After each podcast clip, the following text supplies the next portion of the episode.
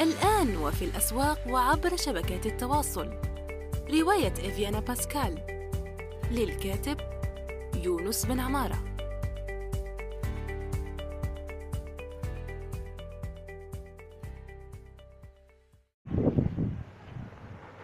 السلام عليكم ورحمة الله وبركاته.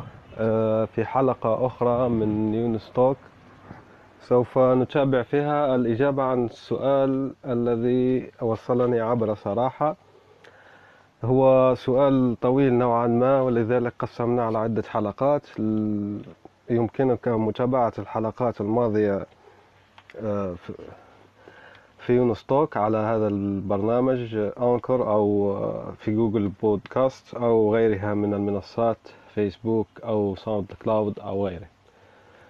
SoundCloud الله أعلم لم أضع فيه لكن أعتقد أن Anchor ينشر في عدة منصات مختلفة المهم المقطع الآخر من السؤال يقول هل مهنة الترجمة مهنة مطلوبة أم لا وهل دخل منها جيد أو يكفي وبماذا يتأثر هذا الدخل هي مهنة الترجمة مثل باقي المهن عندما تبدأ فيها أول مرة سوف ترى أن السوق مزدحم. مثلا عندما تريد أن تتعلم البرمجة سوف ترى جميع الناس يتعلمون البرمجة أو تدخل في ميدان أندرويد. سترى الناس كلهم يتعلمون أندرويد أو إذا دخلت في ميدان التسويق الإلكتروني أو إذا دخلت في ميدان التصوير الفوتوغرافي سوف ترى الناس كلهم لديهم مهارة في التصوير الفوتوغرافي. وهذا آه، تحيز تأكيدي كما يقال يعني أنك لما تفكر كمثال بسيط لما تفكر أن تشتري سيارة هيونداي ترى فإنك تركز جدا عن السيارة هونداي في طريقك وفي عملك وفي تصفحك وفي فيتكون لديك انحياز تأكيدي. إذا لا تقلق من أول مرة عندما تدخل في ميدان الترجمة وترى الجميع وليس هناك شغل أو هذه كلها عبارة عن انحياز تأكيدي وليست صحيحة لأن السوق عدد البشر يزيد عدد الأسواق تزيد عدد المنشآت الصغيرة والمتوسطة. المؤسسات الصغيرة المتوسطة والمنشآت الصغيرة المتوسطة يزيد والأشغال تزيد. إذا هناك حاجة إلى الترجمة لأن فصلنا فيما سبق في الجهات التي تحتاج الترجمة. إذا ليس هناك نقص. فقط يجب عليك أن تدرك أين تبحث وتتعلم مهارة البحث وهنا سوف نفصل في نقطة أخرى أيضا. عندما وضعنا آه، النقاط كيف تجد المترجمين أو كيف تجد الجهات التي تحتاج ترجمة ووضعت تنبيهات جوجل أو الاتصال بالمكاتب أو كيف تبحث عنهم سواء واقعيا أو إلكترونيا. آه، مثلا آه، الصفحات الصفراء عندما تجد عدة جهات أو مكاتب للترجمة كيف تتصل بها وذكرنا كيف تتصل تكتب إيميل. لجهة لا لا لا تعرفها وهذا ما يسمى بال cold emails أي الرسائل الباردة. فهذه جميعها مهارات. عندما أضع مثلا رابط لأداة معينة فإنه لا يكفي أن تجربها يجب أن تتقنها تبحث عنها في الإنترنت. يعني أن هذا البودكاست أو هذه الحلقة عبارة عن تلميح لا أكثر و99% من الجهد عنك يقع على عاتقك. القضية هنا فقط تلميح رأس الخيط نحن نصنع محتوى هنا لكي نرشدك إلى البوابة الباقي الطريق يجب أن آه، أنت تمشي فيه. يعني إذا أنا بحثت لمدة ثلاثة أشهر أو أربع أشهر ووجدت ال- الروابط التي وضعتها في مدونتي. مدونة يونس بن عمارة أكتبها في جوجل سوف تأتي النتيجة الأولى. وتابع آه، تاج آه، يونس توك سوف تجد المقالات وكل الحلقات والروابط. فإنه في بحثك يمكن أن تجد الكثير جدا من الأشياء التي لا أدركها أو لم أركز عنها. إذا عملية البحث وإتقان المهارات اللازمة تقع على عاتقك. نذهب الآن إلى المقطع الآخر من السؤال والذي يقول هل دخلها مجزي أو يكفي؟ السؤال هذا عندما طرح علي كثيرا ويطرح على المترجمين المحترفين عموما كثيرا هو الترجمة الاحترافية. يعني إذا وصلت إلى بعد أن تتجاوز مرحلة المبتدئين ويكون لديك عدة عملاء دائمين أو موسميين يعني عدة كل موسم عندك عميل أو المهم بدون انقطاع. إذا وصلت إلى هذه المرحلة يكفي لأن تفتح بيت. الجواب المختصر النهائي. أنت تريد أن مثلا أن تتزوج أو أنت متزوج أصلا وتريد أن تترك عملك الدائم وتصبح مترجم وأكيد لا أنصح بالانتقال الفجائي وهذه أصلا الانتقالية لديها طرق ولديها أصول ولا تتم عشوائيا لكن عموما الجواب هو نعم مجزي ويمكن أن يفتح بيت ويمكن أن يكفي آه، مصاريفك. لكن القضية هي حسب لأني قرأت في مدونة إنجليزية تتحدث عن ال freelancer. translator المترجمين ال freelancer وهي تتكلم هي مترجمة أدبية وتعيش تعيش في شقة وتعمل جيدا وعندها خبرة أعتقد ست سبع سنوات.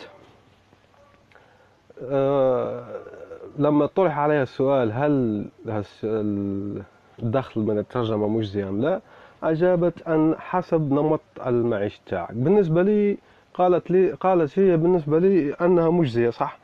أما بالنسبة إذا كان نمط المعيشة تبعك قوي جدا مثلا وسيارة مصاريف سيارة راقية وبيت ولا أكيد أنك إذا كنت أصلا في المرحلة تلك في ال... أكيد أنك مستثمر كبير أو ابن عائلة كبيرة وأنك لا تحتاج أصلا الموضوع هذا إلا إذا أنت حبيت تكتفي ذاتيا لكن حتى إذا كنت معناها بمستوى راقي جدا لن يكفيك هذا ذاتيا يمكن أن تكتفي ذاتيا بالترجمة في هذه الحالة الخاصة أن تفتح مكتب ترجمة أن تتولى أعمال كبيرة وأن تدير فقط الموضوع. يمكن يكون لديك شغف إذا تدير مكتب أو تفتح دار نشر للترجمة أو تفتح موقع للترجمة أو شيء من هذا القبيل. يعني في إذا كان نمط المعيشة تاعك مرتفع جدا جدا يصلح لك الترجمة كمشروع فقط ولا تصلح أنك أنت آه، تتناول تتناول آه، أعمال بالقطعة وكذا هذا أولا. أما بالنسبة للناس العاديين من الطبقة المتوسطة يعني أو من الطبقة تحت المتوسطة ينفع لهم جدا يمكن العيش كنمط حياة ممتاز جدا آه، لديه المهم أن يكون لديك حب وشغف لهذه المهنة. إذا يكفي. إذا تكلمنا عن الأرقام هي تتراوح من 600 دولار شهريا إلى 2500 دولار حسب معنى المعارف الذين أعرفهم حسب الناس الذين أتابعهم. إذا لديك من 600 دولار إلى 2500 دولار.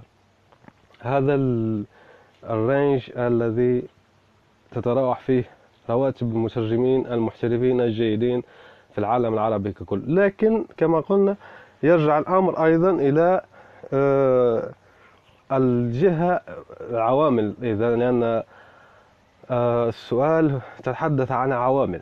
العوامل هنا إذا كنت أنت مثلا في فلسطين وأعرف مترجمين في فلسطين فإن المعيشة هناك غالية جدا خاصة إذا كنت تعيش في القطاع التابع لدولة الاحتلال البغيضة فإن هناك المعيشة غالية جدا وحتى 1000 و 1500 أو 2500 تعتبر قليلة نوعا ما للأسف لكن حالة خاصة تلك. أما في الجزائر فهي معقولة جيدة معقولة إلى جيدة إلى ممتازة. حسب وضعيتك المعيشية وأنت من أي من أي طبقة اجتماعية تنحدر إذا هي في الجيدة والمقبول إلى الممتازة.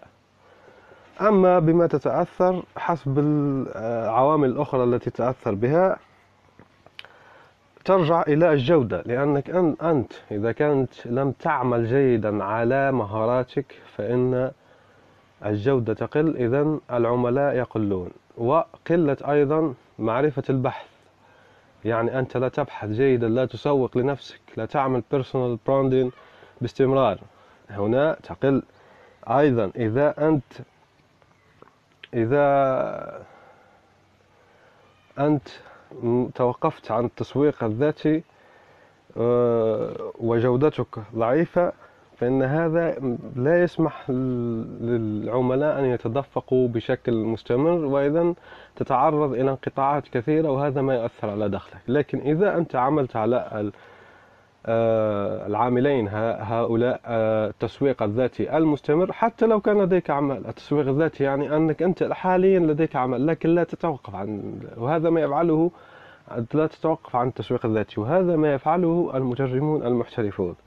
وأيضا إذا توقفت عن تحديث مهاراتك إذا توقفت أيضا إذا عن تحديث مهاراتك فإن هذا عندما يتطور سوق المترجمين ويطلبون أداة معينة أو مهارة معينة أو تدخل مصطلحات جديدة معينة في القطاع الذي تترجم فيه وأنت لم تحدث نفسك إذا يقل عملائك بالتالي يتأثر الدخل الخاص بك.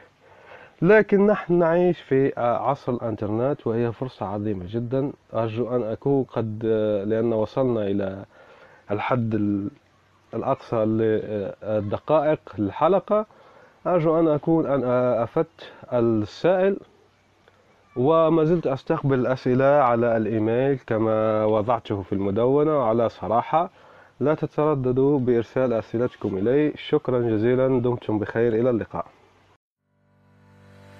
الآن وفي الأسواق وعبر شبكات التواصل. رواية إفيانا باسكال للكاتب يونس بن عمارة.